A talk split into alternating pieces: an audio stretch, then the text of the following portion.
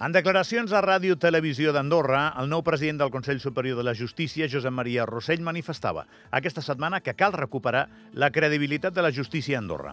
Ho deia per temes concrets i per temes generals. El fet és que ho diu. Primer cal celebrar que hi hagi l'honestedat de dir-ho, perquè no és una declaració menor ni que hagi de passar desapercebuda. Un país en què la justícia no té una credibilitat impecable és un país que no va bé. I no és aquesta una lliga que es pugui guanyar de penal injust al darrer minut, ni tampoc amb maniobres d'estètica o de distracció. És una feina diària en la que el viratge a millor es notarà amb el temps. Sobretot, en un tema, la lentitud per resoldre casos, que és un mal endèmic dels nostres tribunals, potser per manca de recursos, no ho sabem, però la cosa va molt lenta, massa lenta, ho diu tothom.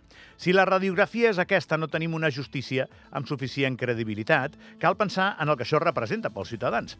L'estat de dret et dona drets i responsabilitats, i un dels drets en els que hem de parar més atenció és el de tenir una justícia en la que poder confiar plenament. Només faltaria. L'altre dia el director de la policia, Bruno Lasne, defensava que tots els ciutadans andorrans som iguals davant de la llei.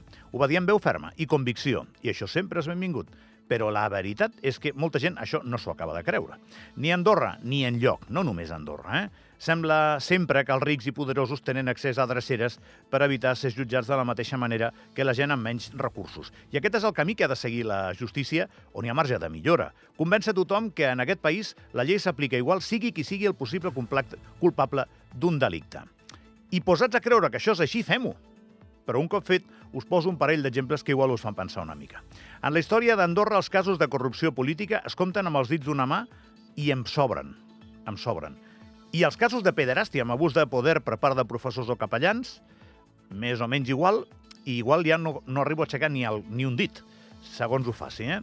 Doncs o els andorrans són tan ben parits que no tenim ni corrupció ni pederàstia, o igual és que no mirem prou on hem de mirar.